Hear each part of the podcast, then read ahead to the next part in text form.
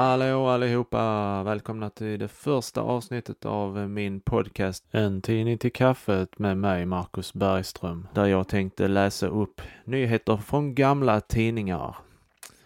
Dessa nyheter har legat i folks hem och bladen har hunnit gulna och det är eh, många nyheter som inte riktigt hör hemma i vår tid. Men vad gör det? Det är väl skönt att drömma sig tillbaka till dåtiden, om än för en liten, liten stund. Så idag har jag framför mig Smålandsbygdens tidning, en bondetidning för Småland. Den är ända ifrån 1928. Och den utgavs i Jönköping. Och eh, det finns många roliga nyheter här på framsidan. Första sidan är blandning av reklam och upplysningar och eh, artiklar. En av artiklarna här på framsidan som jag kan läsa det är Kampen mot kräftsjukdomen. En kamp för mänskligheten. Redan på den tiden var det nu så att kräftsjukdomen eller cancer hade gjort sitt intåg så att man börjar förstå vad det handlar om. Men nu kan jag ju säga att jag har ju inte gjort efterforskningar eller så, utan jag är ju ute efter att läsa nyheter som man kan säga att nyheterna har glömts bort. Jag tänkte det är alltid kul. Jag har alltid varit en sån människa som kan läsa, gå in i övergivna hus och så tittar jag på eh, skrivborden eller vad, vad, folk har lämnat efter sig. Ofta är det ju sådana här Hemmets Journal från 1960 och jag tycker bara det är så intressant att sätta sig ner och läsa de här tidningarna från förr. Och tänka att det är faktiskt någon som har prenumererat på denna tidningen en gång i tiden. Och det är bara en rolig tanke att man tar sig tillbaka i tiden en gång till. Ja, nåväl. Och allt emedan, som Alse Alfredsson sa en gång. Då börjar vi. Jag tänkte att vi börjar med en eh, lite hemsk nyhet här. Det är ju många, jag kan ju säga så efter de efterforskningar jag, jag har gjort så är det ju många hemska nyheter. Det är ju många olyckor som hände förr i tiden och jag tycker ändå att de är intressanta att läsa för att det är ju sättet man skrev på förr i tiden och liksom de hade ju inte samma säkerhet som vi har i vår tid. Och de hade inga miljöinspektörer som kom förbi deras deras verkstäder och, och arbetsplatser och tittade igenom så all, alla brandsläckare var på plats och så vidare utan det var här snackar vi grundläggande arbetsplatser. Det enda man hade för brand var ju antagligen en vattenhink. Så nu tänkte jag att vi började eh, lite kort här. Den första nyheten jag har det är indrogs i remskivan och massakrerades. På fredagen inträffade i Skäggakvarn i Åsarps socken en dödsolycka varvid 23-årige mjölnardrängen Olof Johansson från Hedenstorp Börstig göt döden. Johansson blev under malning indragen i remskivan och fullständigt massakrerad av kugghjulet. Då olyckan inträffade var ingen närvarande. Ren olyckshändelse torde föreligga. Usch ja. Vilket öde. En mjölnare som blir malen. Det är ju lite tragikomiskt egentligen, men det är sånt som hände på den tiden. Det är ingenting man önskar någon. Ja, jag tänkte att vi går vidare raskt. Det var en ganska kort nyhet, men jag tänkte det är en bra inledning. Nu går vi raskt vidare här till eh, en annan lite hemsk nyhet här. Det är, eh, rubriken lyder Föräldrar ville göra sig av med den sjuka flickan. Mannen är den förut för mordbrand eh, i Harplinge häktade. Den på torsdagen anhållna hustrun Selma Johansson, maka till den för två mordbrandsanläggningar häktade hemmansägaren K.A. Johansson i Harplinge, misstänktes för att jämte sin man ha bragt en av makarnas barn om livet. I socknen hade hade gått ett rykte att makarna för cirka fem år sedan tagit sin ettåriga dotter av daga. Ryktet hade uppstått därigenom att hustru Johansson, som trodde att mannen stod i otillbörligt förhållande till andra kvinnor, för att hämnas på honom för vem som ville höra på omtalat att Johansson tagit livet av makarnas dotter. Lite lång mening där, men jag tror jag förstod. Vid förhör med makarna på fredagen erkände mannen Johansson att han begått det brott hustrun påstått, men förklarade att hustrun varit honom behjälplig. Flickan, som föddes 1922, hade varit sjuklig och då hon inte syntes bli bättre hade makarna kommit överens om att göra av med henne. Detta hade tillgått så att de satt ut henne halvklädd på den kalla marken. Sedan detta upprepats några gånger hade de placerat henne naken i korsdrag i ett öppet fönster. Flickan hade under den därpå följande natten avlidit.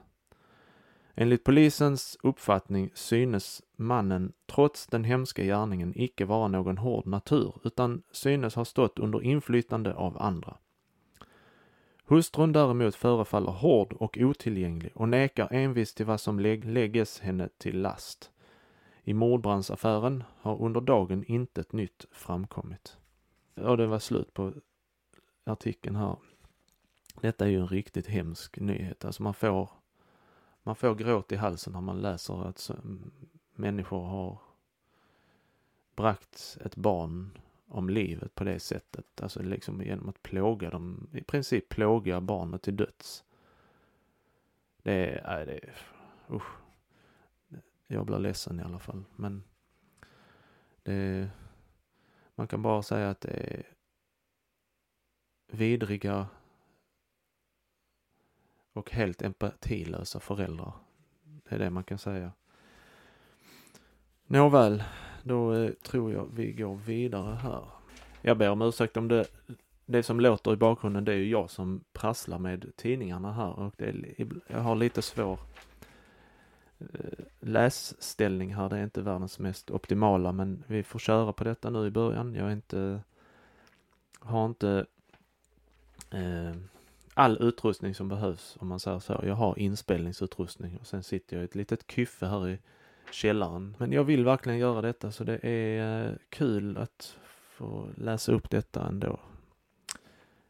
Då börjar vi, jag tänkte eftersom det ändå är, det är ju den första september idag 2022 så jag tänkte att det är ju snart val. Detta kanske är en eh, intressant, det är ju, det är inget val så men det är en riksdagsman som svarar här eh, efter ett inlägg som Smålandstidningen antagligen gjorde i ett, eh, om, om gällande man här. Nåväl, det är bara en insändare helt enkelt, men eh, det handlar om politik i alla fall. Och rubriken lyder Ett brev från förre riksdagsmannen E. Åkerlund i Estuna.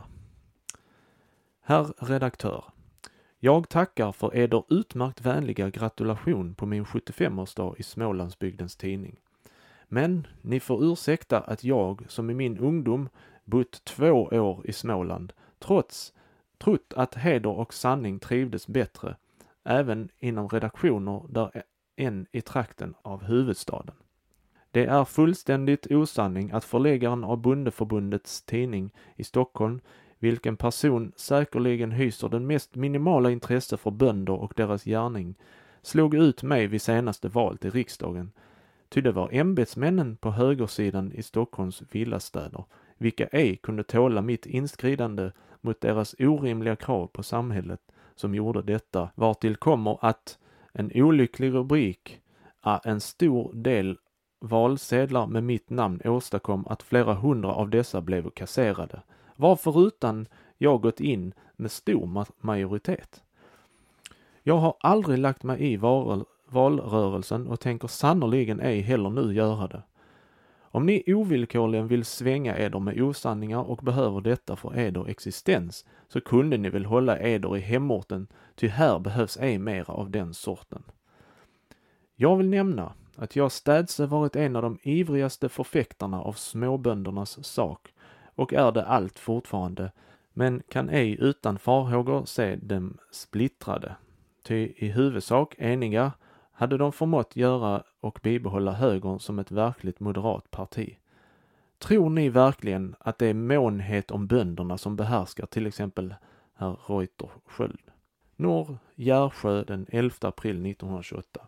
Högaktningsfullt E. Åkerlund. Det måste väl vara den här E. Åkerlund som antagligen har, är en arg på Smålandstidningens redaktion. Så svarar ju den här redaktionen på Smålandsbygdens tidning tillbaka och det är massa siffror och, och så vidare. Men de avslutar ju här, här nere efter massa siffror om hur många röster bla bla bla. Så står det för övrigt notera vi med, den störst, med största tillfredsställelse att även herr Å kommit underfund med statstjänstemännens orimliga anspråk på, på samhället samt att han dessutom inser att bönderna ej utan fara kunna splittra sig. Av de anförda bör herr Å tydligt kunna se att vi ingalunda svängt oss med osanningar här nere i Småland Däremot har vi ingen anledning att betvivla herr Ås påstående att heder och sanning trivas mycket dåligt där uppe i Stockholmstrakten. Redaktionen. Slut på artikeln här. Ja, det är ju ett litet eh, bråk här mellan de två kan man väl säga. Det som hade blivit ett Twitterbråk idag, antar jag. Men jag tänkte det är ju oavsett vilket så tycker jag faktiskt att det är vackert skrivet av, av herr E. Åkerlund Ja, jag tycker att vi eh, går vidare till en annan artikel här. Det är oh, ännu en ny olycka. Det är en olyckshändelse som inträffade i en mindre artikel här och dess, rubriken är bara en olyckshändelse. Eller det är inte ens en rubrik, här står bara med stora feta bokstäver. En olyckshändelse inträffade i Kollebäcken i Gustav Adolf annandag påsk på kvällen i det att hemmansägaren Axel Karlssons hustru Ester Karlsson, som skulle fodra kreaturen, blev illa stångad av en oxe så att magen upprevs och inre organ skadades svårt.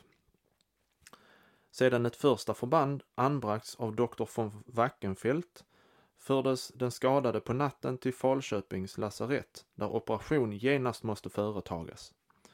Huruvida den skadade kan räddas till livet är då detta skrives ganska ovisst.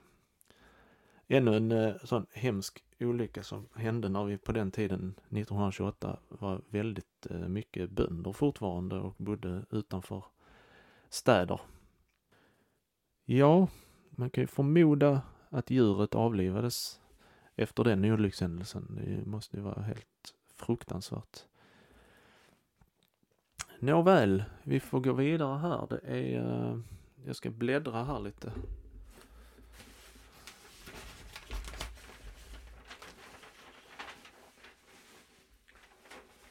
I den gamla tidningen från 1928. Några rubriker, jag kan bara läsa några rubriker här. Det är ju ganska intressant vad som har hänt men det är, rubrikerna säger ju sig, säger ju sig själv så jag behöver ju inte eh, läsa mer än rubriken helt enkelt. Där är någon jorden runt-flygning som är fullbordad. Där flygarna är hjärtligt hyllade vid återkomsten till Paris. Och där har tyvärr varit en explosion i ett amerikanskt, i ett amerikanskt danspalats. En rubrik som var väldigt spektakulär, det var ju... Nej, jag, jag bläddrar fel alltså. Ja, här var den. Vi har tyvärr en snöstorm i Chile som kräver 200 människoliv. Det är Santiago de Chile.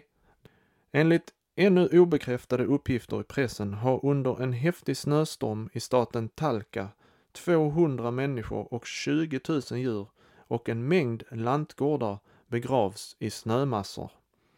En, ett annat telegram meddelar Skådeplatsen för katastrofen är trakten kring sjön Los Girones och meddelande från Clementa talar om 200 omkomna, därav många turister. Snöstormen har medfört massor av snö som sedan tre dygn lagt sig till ett djup av 24 fot.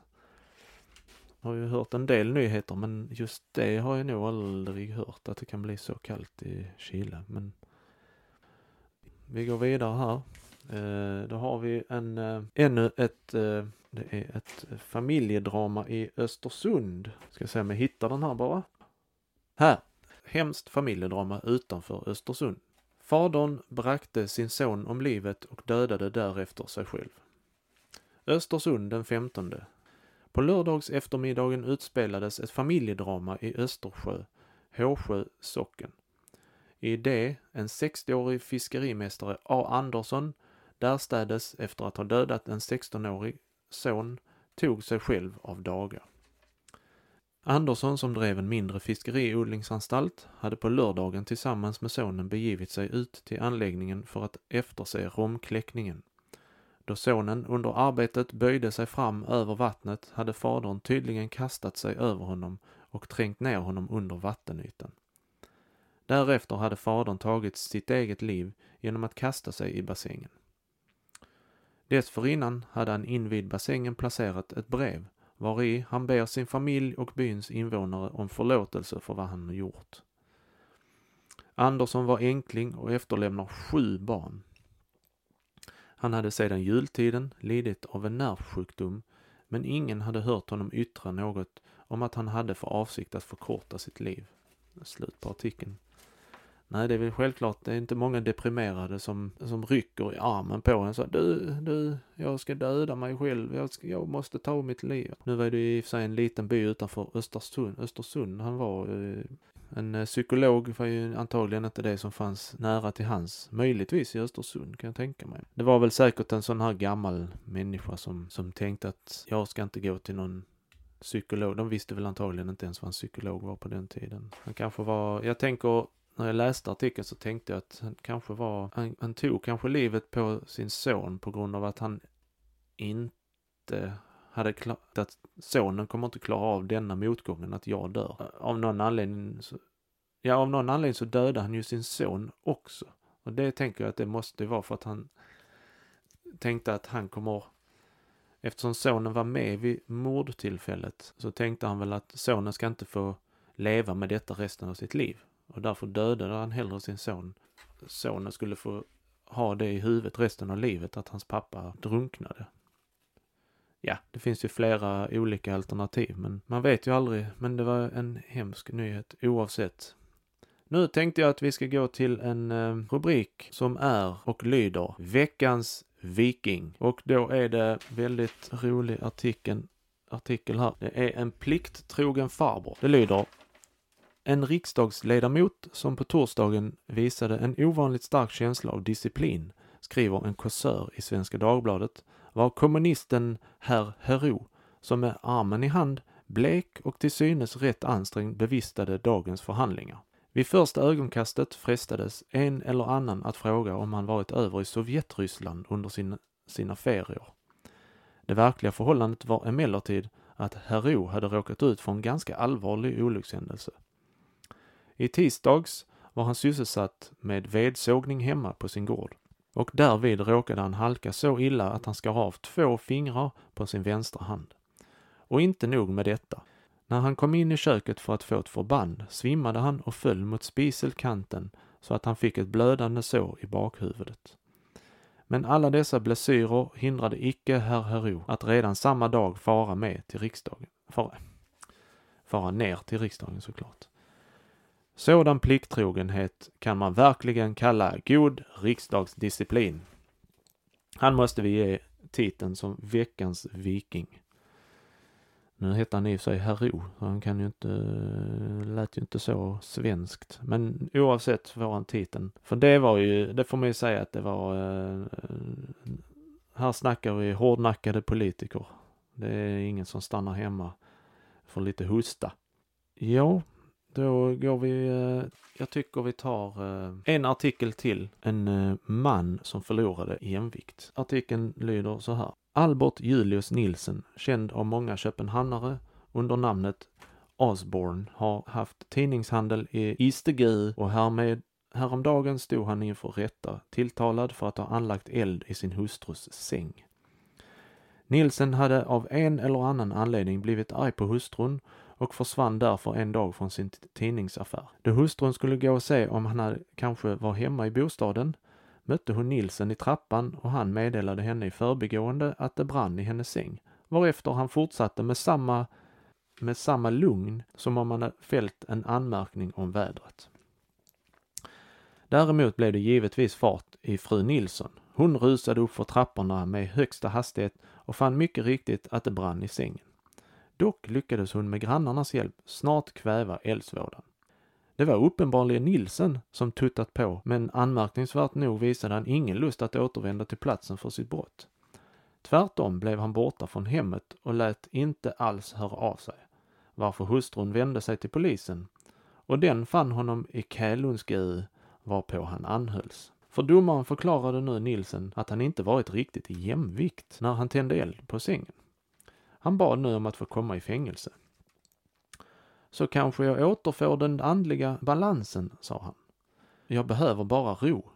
Målet uppsköts, men utan tvivel bereddes Nilsen med tiden lugn och ro och tillfälle att återvinna den förlorade balansen. Alltså det kan ju vara en av de roligaste artiklarna jag läst i denna tidningen. Det är danskar det i ett nötskal. Man kan ju tänka sig att han kanske hade tagit en pilsner och en snaps för mycket och eh, i det i samband med att han kanske hade en ganska gnällig och jobbig fru. Men det vet ju inte vi. Det var ju lite märkligt där att hon, frun skulle gå och se om han kanske var hemma i bostaden. Det tyckte jag var lite märkligt. Varför skulle hon det? Men oavsett, det slutar ju väl så man kan ju säga att den var en ganska komisk artikel. Nu ska jag gå och tända eld på min frus säng. Nu ska det brinna. Jag kan inte le min fru längre. Och sen då i rätten bara, undskyld domare, undskyld. Jag är, jag är inte i jämvikt, jag är inte i jämvikt. Jag är helt, helt, jag är helt bengalå i huvudet. I huvudet. Ja, eh, då tänkte jag, vi, vi ska faktiskt ta en, eh, jag tänkte vi tar en eh, en rolig... Eh, vi ska ta en, eh, ett annat inslag som jag har tänkt ha så länge det går i alla fall. Jag har nämligen en gammal kokbok av eh, Kajsa Warg, tror jag den heter. Och jag tänkte att vi skulle ta ett inslag här som jag tänkte kalla för Dagens dåtida rätt. Jag tänkte helt enkelt läsa upp eh, gamla recept här från en bok som jag köpte på en loppis på Öland för länge sedan och den heter Hemmets kokbok. Det är från 1937 utgiven av Norstedts och Söners förlag. Det är den 35 omarbetade upplagan. Jag kan bara läsa det här snabbt. Hemmets kokbok kom år 1903 till stånd på initiativ av utar och utarbetades under framsynt och skicklig ledning av dåvarande föreståndarinnan för fackskolan för huslig ekonomi i Uppsala, doktor Ida Norby, 1869 till 1934.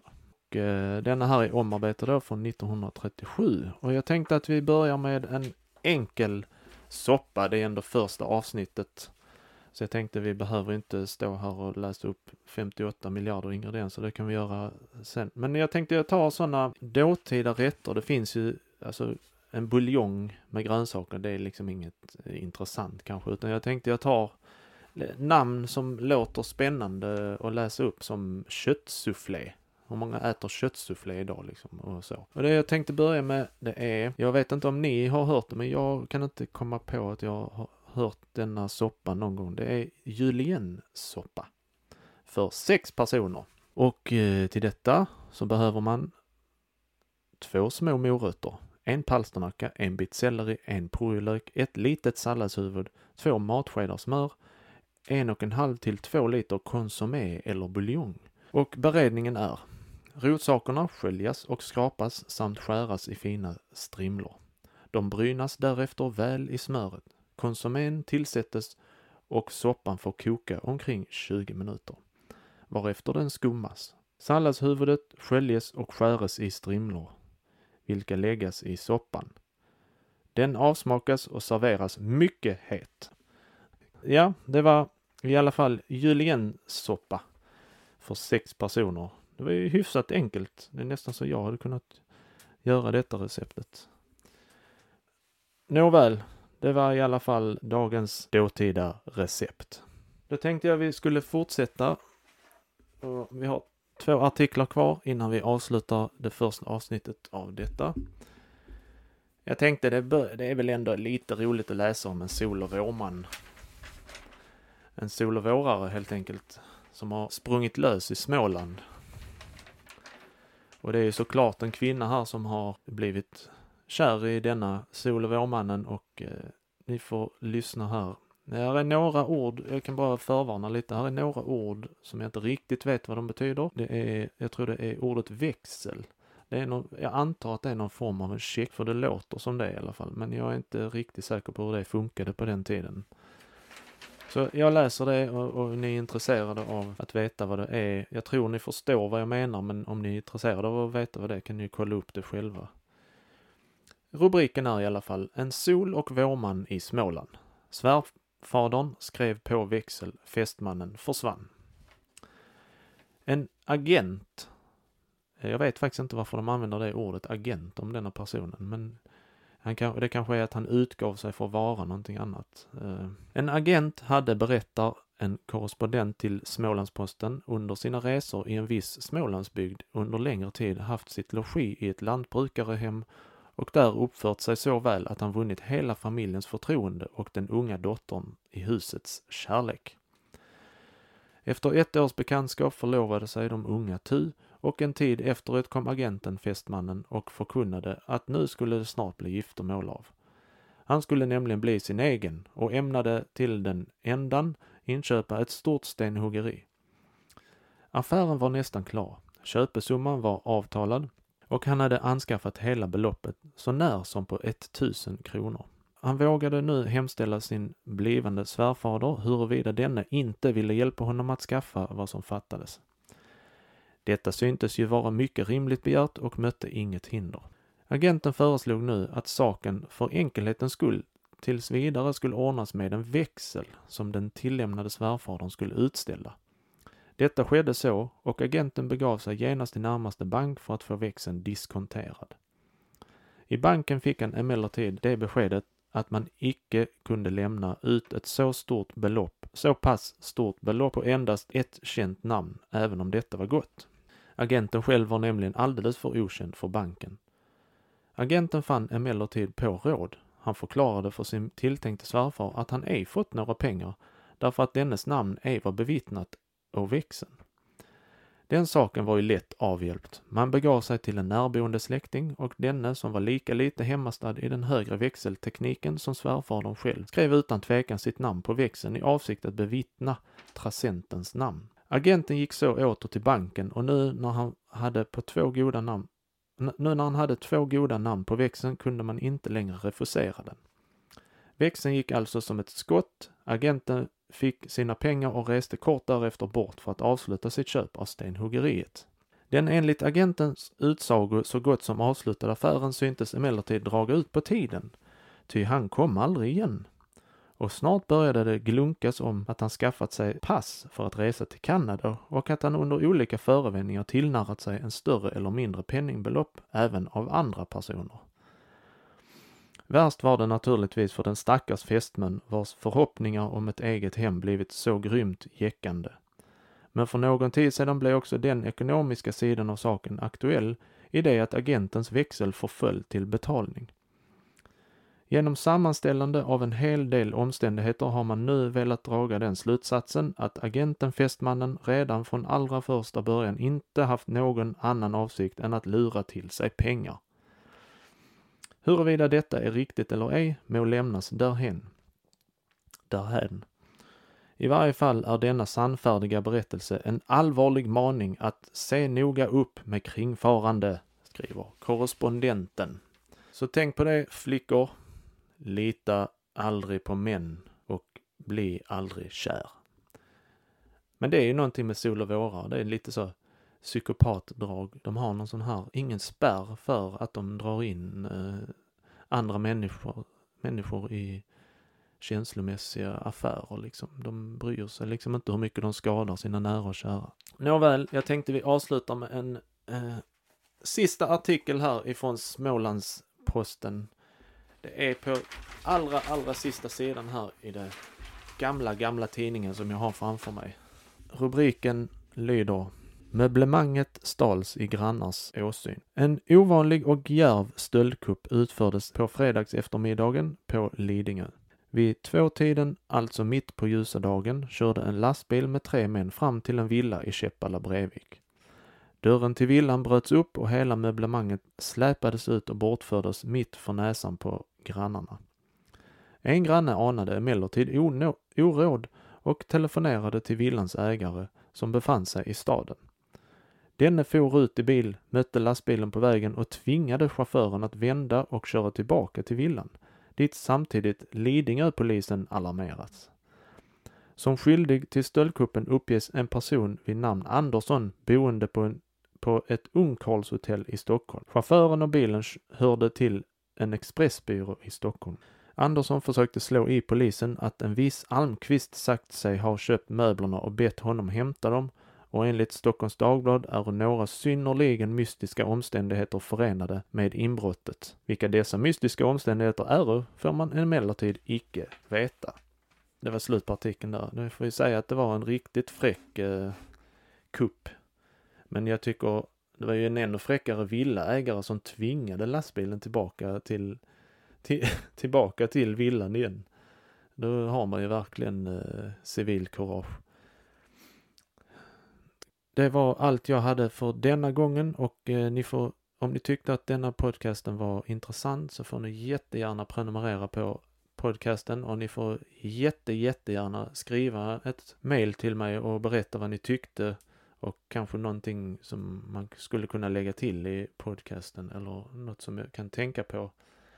Jag är nämligen helt ny på detta och eh, jag hoppas verkligen att det kommer att bli någonting av detta för jag tycker det är jättekul att sitta här och läsa upp gamla nyheter från gamla tidningar. Så prenumerera gärna och eh, tack så mycket för denna gången. Ha det gott, hej då!